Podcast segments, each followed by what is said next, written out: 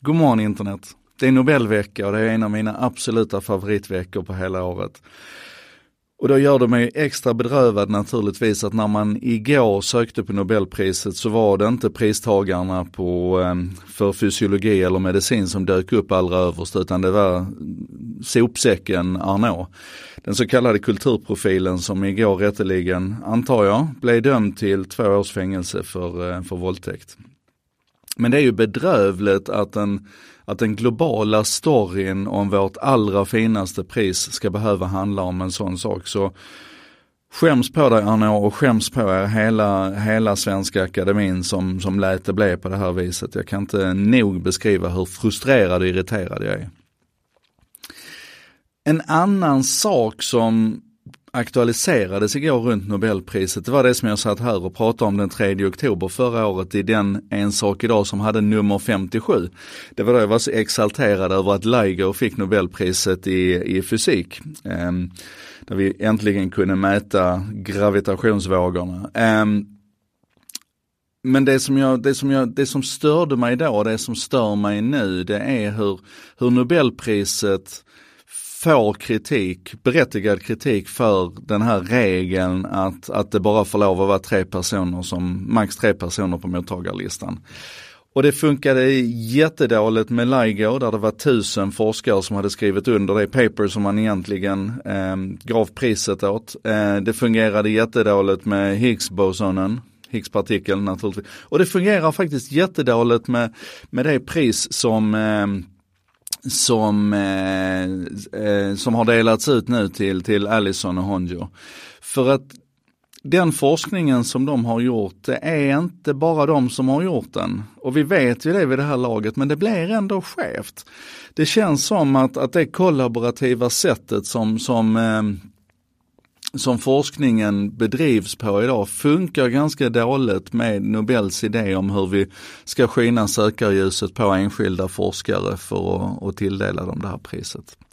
Så att jag tycker att vi behöver, eh, vi behöver fundera på det. Men ni vet ju vad jag brukar säga, det finns saker vi kan göra någonting åt och så finns det saker vi inte kan göra någonting åt. Och för var och en av oss är det viktigast att, att fokusera på det vi kan göra någonting åt.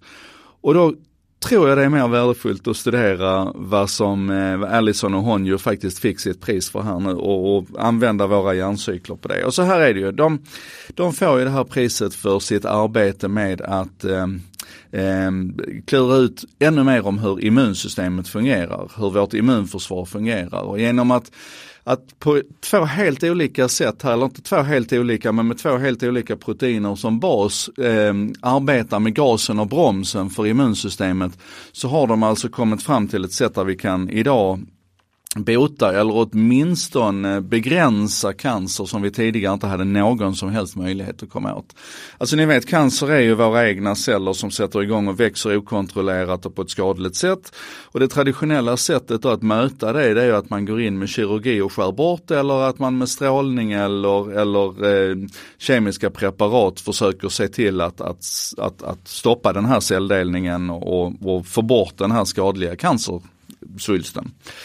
Ehm, det är inte så enkelt med, med cancer som är spridd i hela kroppen. Till exempel melanom kan det vara väldigt besvärligt på. Ehm, I synnerhet om det sitter inne i kroppen. Ehm, melanom är alltså inte bara hudcancer. Ja, så. Long story short, när cancern är väldigt spridd så måste vi hitta ett annat sätt. Och det de då har hittat här nu det är hur vi kan använda immunsystemet för att angripa cancercellerna.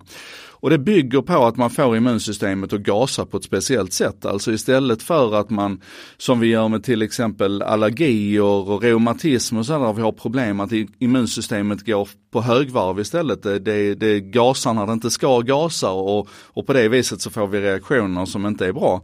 Eh, och då försöker man bromsa immunsystemet så, så gasar man på det här istället och man gör det då på ett kontrollerat sätt. Och det här är fantastiskt för cancerforskningen. Men det är också fantastiskt på ett annat område och det är det man pratar om eh, att, att försöka bromsa åldrandet eller att bota åldrandet egentligen. Och då, då håller vi precis på här nu, det har vi varit inne på tidigare runt Calico, att försöka knäcka det här med åldrandets mekanismer. Och om man pratar om health span, alltså det är två olika, två olika forskningsområden. Det ena handlar om att försöka bromsa åldrandet och kanske till och med reversera det, spännande grej.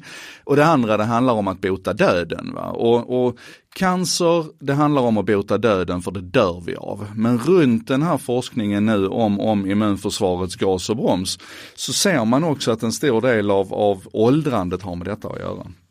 Och jag är ju helt obsessed, inte bara för att jag vill leva till jag blir 850 år, jag och Raymond Kurzweil.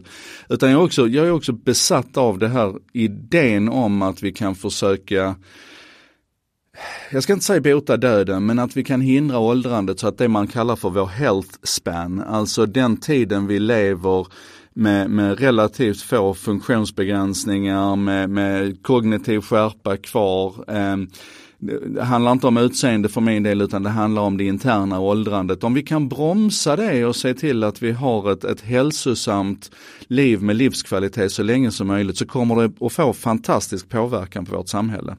Sen är ju naturligtvis den andra effekten av hela den här diskussionen det är att vi måste arbeta med den här idén om vad ska vi egentligen dö av. Men det är, det är mer ett problem för de forskare som arbetar med att bota döden. Ja, I alla fall.